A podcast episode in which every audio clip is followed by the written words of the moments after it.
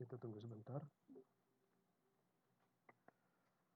Ah, Bismillahirrahmanirrahim. Assalamualaikum warahmatullahi wabarakatuh. Alhamdulillah. Alhamdulillahi rabbil alamin. Ar-Rahman Ar-Rahim. Malik yaumiddin. Alhamdulillahilladzi aizana bil Islam wa akramna bil iman wa rafa'na bil ihsan.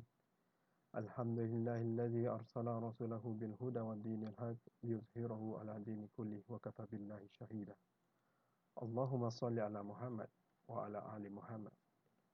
Allahumma salli ala Muhammad wa ala ali Muhammad wa ashabihi wa ummatihi ajmain illa yaumiddin. Amma ba'du. Alhamdulillah kita berjumpa kembali di kesempatan uh, dalam pembacaan tafsir uh, Al-Azhar di surat Yusuf kita akan melanjutkan untuk surat yang ke-19 dan sampai uh, ayat yang ke surat yang ke-22 ayat yang ke-22 uh, disampaikan kembali uh, tafsir Al-Azhar ini salah satu uh, tafsir yang yang bagus karena Hamka dalam penulisan tafsir Al-Azhar ini. Selain beliau me, melet, me, apa namanya meletakkan uh, dan membandingkan tafsir-tafsir yang muktabar. Beliau letakkan juga uh, tafsir Al-Quran dengan Al-Quran, ayat dengan ayat. Kemudian pendapat sahabat dan para tabi'in.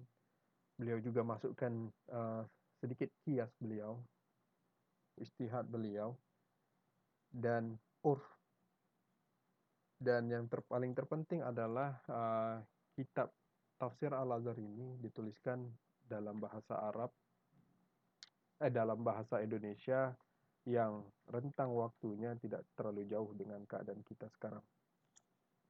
Baik kita mulai uh, dalam ayat 19 uh, yang artinya dan datanglah satu kafilah lalu mereka utus pencari air maka dihulurkanlah timbanya dan dia pun berkata, Lihat, ada anak laki dalam ini. Lalu mereka kurunglah Nabi Yusuf untuk menjadi dagangan. Dan sesungguhnya Allah maha mengetahui apa yang mereka kerjakan itu. Kemudian di ayat 20, dan mereka jualah dia dengan harga murah. Beberapa dirham yang dapat dihitung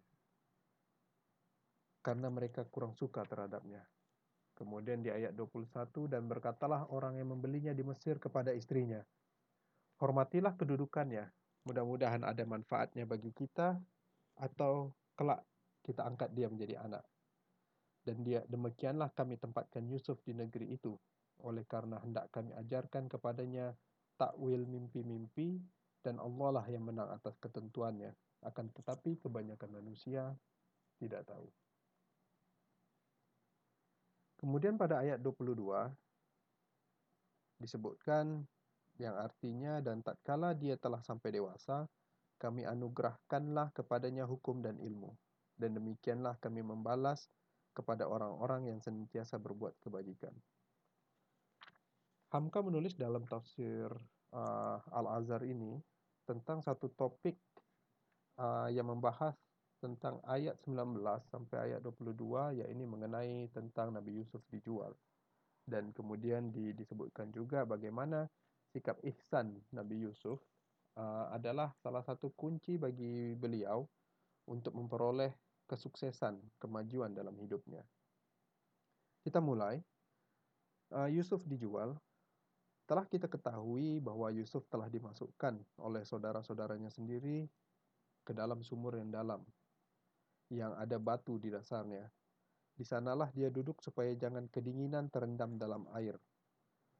Hatinya tenang menunggu nasib sebab malaikat sudah datang kepadanya menyatakan bahwa dia kelak akan bebas juga. Bahkan akan menerangkan kepada saudara-saudaranya hal itu, sedangkan mereka tidak tahu siapa dia. Sedang dia termenung menunggu nasib itu, tidak lama di antaranya, kemudian disebutkan di ayat 19, maka datanglah satu kafilah di, di dalam ayat dituliskan sayyarah. Sayyarah yang kita artikan kafilah atau disebut orang barat sebagai karavan, yaitu rombongan orang yang lalu lalang bersama-sama bermusafir dari satu negeri ke negeri yang lain. Pada saat itu kafilah itu memerlukan mengisi tempat airnya karena perjalanan masih jauh. Biasanya, di mana saja sumur bertemu, mereka berhenti sejenak atau bermalam untuk mengisi tempat-tempat air.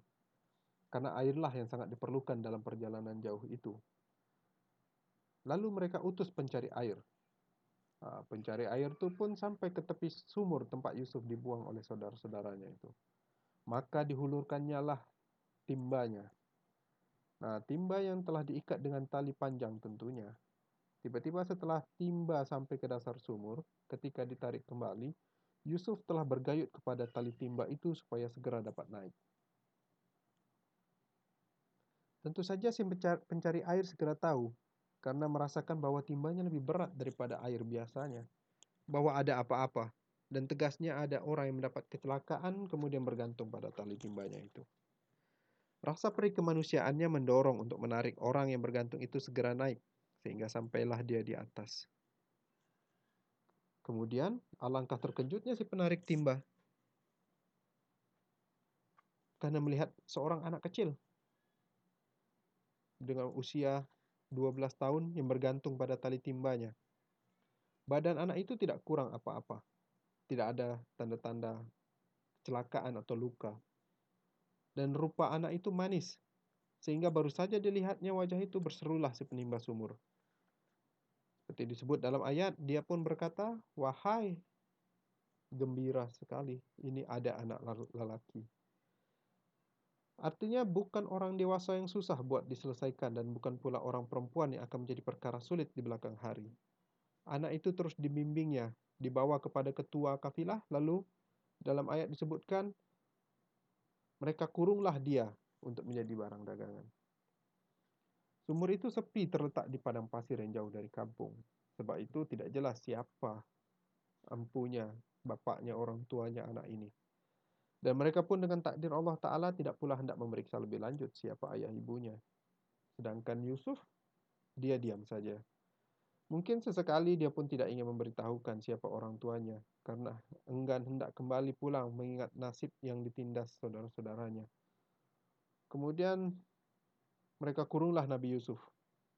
Mereka sembunyikan dan mereka rahasiakan, karena ada niat hendak menjadikan uh, Nabi Yusuf sebagai barang dagangan.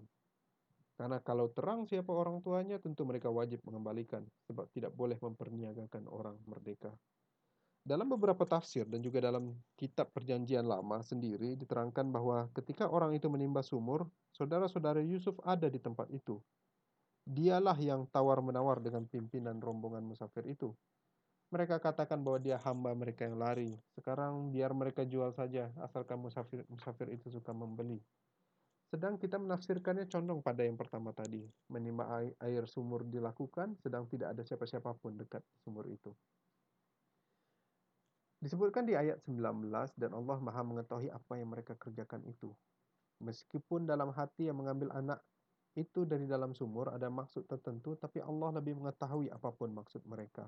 Dan di samping mereka bermaksud buruk, Allah akan menjadikan maksud buruk mereka itu sebagai satu mata rantai yang akan menaikkan derajat martabat Yusuf. Kemudian di awal ayat 20, 20 disebutkan dan mereka juallah dia dengan harga murah, beberapa dirham yang dihitung. Artinya uh, Hamka menuliskan bahwa Nabi Yusuf pada saat itu dipandang sebagai orang budak atau barang yang tidak berharga karena tidak terang siapa ibu bapaknya, siapa penghulunya. Laksana pepatah orang Melayu ditimpan durian runtuh, rezeki datang. Kemudian dalam ayat 20, dan mereka kurang suka kepadanya. Maksud ujung ayat ini ialah menjelaskan bahwa tukang timba air dari sumur itu atau rombongannya itu kurang suka berlama-lama. Suka, kurang suka berlama-lama Yusuf untuk berada dalam rombongan mereka. Takut-takut kalau lama mereka takut-takut kalau lama mereka menahan Yusuf, atau lama-lama lagi untuk laku dijual, kemudian ketahuan oleh orang tuanya, empunya anak, mereka ingin segera anak ini lepas dari tangan mereka. Ya, seperti kita jika jika merasa bahwa ada barang yang bukan hak kita kan. Sehingga kalau ada orang yang datang bertanya kelak, mereka akan mudah saja mengatakan tidak tahu menahu. Itulah sebabnya mereka jual murah-murah saja supaya segera dibawa orang pergi dari mereka. Kafilah Bani Ismail atau orang-orang Arab pun Arab orang Arab itu pun meneruskan perjalanan mereka ke Mesir. Sesampai di sana anak itu dibawa ke pasar pasar uh, penjualan uh, hamba sahaya, tempat orang menawar mahal dan mendapat harga. Kemudian yang membelinya itu adalah orang yang berpangkat tinggi dalam kerajaan Firaun. Orang menyebutnya Al-Aziz Mesir. Paduka yang mulia, pejabat tinggi, raja muda. Orang yang kedua berkuasa di bawah Firaun. Nah, di dalam surat Yusuf ini tidak disebutkan bahwa raja Mesir itu bergelar Firaun. Padahal kelak di zaman Musa gelar Firaun itulah yang selalu disebut. Ahli sejarah mengatakan bahwa raja yang menguasai Mesir pada masa Yusuf itu bukanlah memakai gelar Firaun, sebab mereka adalah keturunan bangsa Heksen, yaitu Arab purbakala yang mengembara sampai menaklukkan Mesir. Kemudian di, di awal ayat 21 yang artinya dan berkatalah orang yang membelinya di Mesir itu kepada istrinya, hormatilah kedudukannya. Yang Hamka menuliskan artinya dalam tafsirnya, janganlah anak yang selayaknya manis ini disamakan dengan kedudukan hamba-hamba dan hamba sahaya yang lain. Karena rupanya paduka yang mulia ini telah melihat tanda-tanda pada wajah anak ini bahwa dia bukanlah bangsa yang yang biasa diperhamba, biasa diperbudak. Di wajahnya terbayang cahaya kecendekiawanan dan kecerdasan. Beliau menyuruh sang istri menyediakan tempat terhormat baginya. Tempat orang-orang yang terhormat Mudah-mudahan dalam ayat disebut, mudah-mudahan ada manfaatnya bagi kita. Kata-kata inilah yang menunjukkan bahwa paduka yang mulia melihat sesuatu dalam diri anak ini yang akan berkembang kelak kemudian hari. Mungkin kelak dia akan menjadi orang besar. Dan tentu saja paduka yang mulia akan mendapat juga faedah dari kebesaran yang akan dicapai anak ini. Mana tahu, ini adalah firasat. Asyihab menjelaskan dalam tafsirnya bahwa maksud memuliakannya itu ialah menyediakan tempat tidur yang terhormat kamar yang layak, beralaskan permadani, dan seumpamanya sebagaimana tetamu yang terhormat. Satu tafsir lagi menyatakan bahwa setelah kafilah yang membawa Yusuf itu sampai Mesir, dibelilah ia oleh ketua polisi kerajaan, lalu tinggal di, ru di rumah tuannya sebagai orang terhormat, bukan sebagai hamba. Kian sehari kian kelihatan, inayah Allah melimpahinya dan segala kejayaan mengelilinginya. Sehingga si penghulu yang teramat mulia itu merasa bahwa sejak anak ini tinggal di dalam rumahnya, berbagai macam saja kemenangan dan kejayaan dalam jawatan yang dipikulnya. Itu sebabnya dalam ucapan kepada istrinya, pejabat itu meneruskan pula, bagaimana kalau kita angkat dia jadi anak? Tentu saja apabila dia telah dijadikan anak angkat, kedudukannya dalam gedung indah atau istana paduka yang mulia itu bertambah dimuliakan lagi. Sesuai dengan kedudukan orang yang mengangkatnya menjadi anak. Lalu disebut pada kelanjutan ayat dan demikianlah kami tempatkan Yusuf di negeri itu. Kalimat makana dalam dalam uh, tafsir Hamka ini disebutkan kalimat makana dalam ayat kita artikan kami tempatkan yang berarti juga telah kami kukuhkan. Artinya tidak terganggu lagi posisi yang kuat. Tidak ada lagi membencinya sebagaimana dia kala dibenci oleh abang-abangnya di kampung dahulu dia ada di rumah yang indah, yang kokoh. Anak orang berpangkat tinggi dalam kehidupan yang sentosa. Oleh karena dalam ayat disebutkan oleh karena hendak kami ajar ke, ajarkan kepadanya takwil mimpi-mimpi. Nah, di dalam ayat ini sudah nyata bahwa selama menjadi anak angkat orang yang berjawatan tinggi, ketua polis kerajaan, ketua polisi kerajaan atau perdana menteri dan selama bertahun-tahun sejak 12 tahun dia di dalam gedung indah itu sudah berangsur-angsur Allah mendidiknya, memberikannya hidayah berangsur-angsur menumbuhkan dasar-dasar nubuat pada jiwanya. Dengan pertama pertama sekali ialah yaitu uh, dalam sebagai mukjizat Nabi Yusuf adalah kesanggupan menakwilkan mimpi-mimpi. Maka kemudian berfirmanlah Allah pada ayat selanjutnya dan Allah lah yang menang atas ketentuannya. Artinya rencana busuk dari saudara-saudaranya yang sepuluh itu menyingkirkan Yusuf dari orang tuanya dengan tidak mereka sedari ialah mengantarkan Yusuf kepada orang yang ditentukan Allah untuk menjadi pengasuhnya dan jadi ayah angkatnya. Kalau dia masih di kampung, mungkin bahaya akan datang juga kepadanya. Lain rencana busuk manusia, lain pula rencana Allah. Setelah beradu di antara dua rencana, rencana insan dan rencana Allah, rencana manusia dan rencana Rabbul Alamin, maka rencana Allah jualah yang akan menang. Ditekankan oleh Allah pada ayat 20, akhir ayat 21, akan tetapi kebanyakan manusia tidak tahu. Ujung ayat ini adalah sindiran yang pedas bagi kita setiap-setiap manusia yang membuat rencana sendiri dengan melupakan kekuasaan Allah, keabsolutan Allah.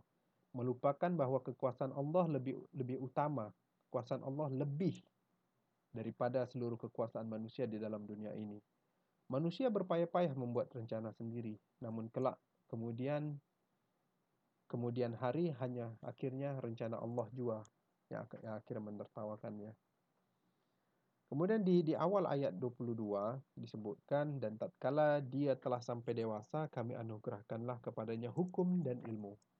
Artinya di, uh, disebutkan dijelaskan oleh Hamka adalah usia 12 tahun masuk ke dalam rumah itu kemudian dijadikan anak angkat, diberi kepercayaan, disayangi dan dikasihi dan Allah pun mulai sedikit-sedikit mengajarkan tafsir mimpi seiring dia bertambah besar dan bertambah dewasa, datanglah usia yang penting dalam hidup manusia, yaitu masa kedewasaan. Badan bertumbuh demikian rupa dan akal pun bertambah cerdas. Di dalam ayat dijelaskan bahawa dia telah memulai pula dianugerahi oleh Allah. Iaitu mujizat. Nabi Yusuf berikutnya, itu dianugerahkan oleh Allah hukum dan ilmu. Kesanggupan menentukan hukum. Hukum ialah hasil penilaian terhadap suatu permasalahan di antara hak dan yang batil, di antara salah dan benar, di antara adil dan zalim, di antara indah dan buruk. Dan sebagai anak angkat seorang yang berkuasa tinggi, niscaya setiap hari dilihatnya ayah ayahnya memutuskan suatu perkara dan dia menyimaknya, mendengar dan memperhatikan. Nah, di sini di sini Hamka menulis sebagai Ketika dia diangkat sebagai anak seorang yang berkuasa tinggi dan melihat ayah angkatnya memutuskan suatu perkara dan dia menyimak, mendengarkan dan memperhatikan. Ya akhirnya pada uh, dengan cara itu Allah memberikan uh, anugerahnya hukum dengan ilmu di samping apa yang disebutkan dapat menentukan nilai sesuatu dan hukumnya. Dan ilmu secara umum pula bertambah pula. Lalu timbul pertanyaan dalam diri kita, mengapa sesegera itu? Apakah boleh? Ya kan? Apakah boleh? Apakah sesegera itu matang ilmunya? Kenapa dia boleh instan? Kenapa Nabi Yusuf boleh instan uh, keilmuannya? Maka ujung ayat 22 lah yang menguraikan seperti disebutkan oleh Hamka, ujung ayat lah yang menguraikan sebab segera matangnya keilmuan beliau. Allah berfirman di penutup ayat, dan demikianlah kami membalas kepada orang-orang yang senantiasa berbuat kebajikan. Kebajikan di sini uh, diartikan arti dari ihsan, al-muhsinin. Orang-orang yang muhsinin, orang-orang yang ihsan ialah orang yang selalu berbuat kebajikan, selalu memperbaiki, selalu mempertinggi mutu usahanya meningkat naik. Sebab asal kata ialah ihsan. Ketika Jibril menanyakan kepada Rasulullah wasallam, apakah ihsan? Beliau telah menjawab, yaitu kamu memperhambakan diri kepada Allah seakan-akan engkau melihat Dia dan jika kamu tidak dapat melihat Dia, namun Dia tetap melihat kamu. Maka kagumlah kita karena berkali-kali bertemu pujian kepada Yusuf dalam surat ini. Dalam ayat 22 ini Allah Ta'ala sendiri yang memujinya sebagai orang yang termasuk yang memujinya sebagai hamba-hamba Allah yang termasuk orang muhsinin. Kemudian pada ayat 36, dia dipuji lagi oleh kedua temannya dalam penjara dengan kata muhsinin juga. Ketika pada ayat 56, datang lagi pujian dari Allah. Dan keempat, ketika saudara-saudaranya yang belum kenal kepadanya kembali memohon Bunyamin uh, untuk dibebaskan karena mereka melihat bahwa dia adalah seorang penguasa yang muhsinin. ihsan dari kecil sampai tua inilah rahasia kemajuan Nabi Yusuf. Baik kepada orang yang membencinya, dia pun berbuat ihsan. Sebab itu tepatlah apa yang dikatakan oleh uh, Abdullah bin Mas'ud, seorang sahabat. Ada tiga orang yang sangat tepat firasatnya, yaitu Al-Azizus Al-Mas Aziz Mesir Al-Azizu Al-Maisir Al-Aziz Mesir yang menyuruh kepada istrinya supaya menyediakan kamar tidur yang layak bagi Yusuf. Yang kedua adalah anak perempuan yang mengusulkan kepada ayahnya di negeri di negeri Madian supaya diupahkan musafir itu untuk mengembalikan kambing kepada pemuda.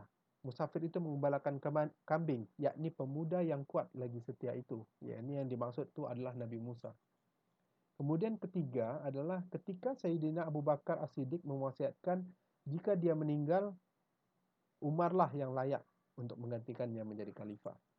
Oleh sebab itu, tiga uh, tiga yang disebut oleh Abdullah, Abdullah bin Mas'ud, salah sebagai salah satunya adalah uh, tentang Aziz Mesir yang meminta uh, perlakuan dan mengangkatnya menjadi anak. Mengangkat Nabi Yusuf menjadi anak. Oleh sebab itu, kemajuan Yusuf itu di samping tuntutan ilahi ialah usahanya sendiri dan ikhtiarnya agar dia pun beroleh kemajuan. Sehingga di dalam usia yang demikian muda, menurut riwayat Said bin Jubair, dalam usia 18 tahun, dia telah mengerti hukum dan keadilan serta telah bertambah pula ilmu pengetahuannya. Alhamdulillah, uh, wallahu alam bisawab. Uh, demikian uh, membaca tafsir Al-Azhar untuk ayat 19 sampai 22. Insya-Allah kita akan lanjutkan di kesempatan yang berikutnya. Uh, kurang lebihnya uh, kami mohon maaf. Uh, Assalamualaikum warahmatullahi wabarakatuh.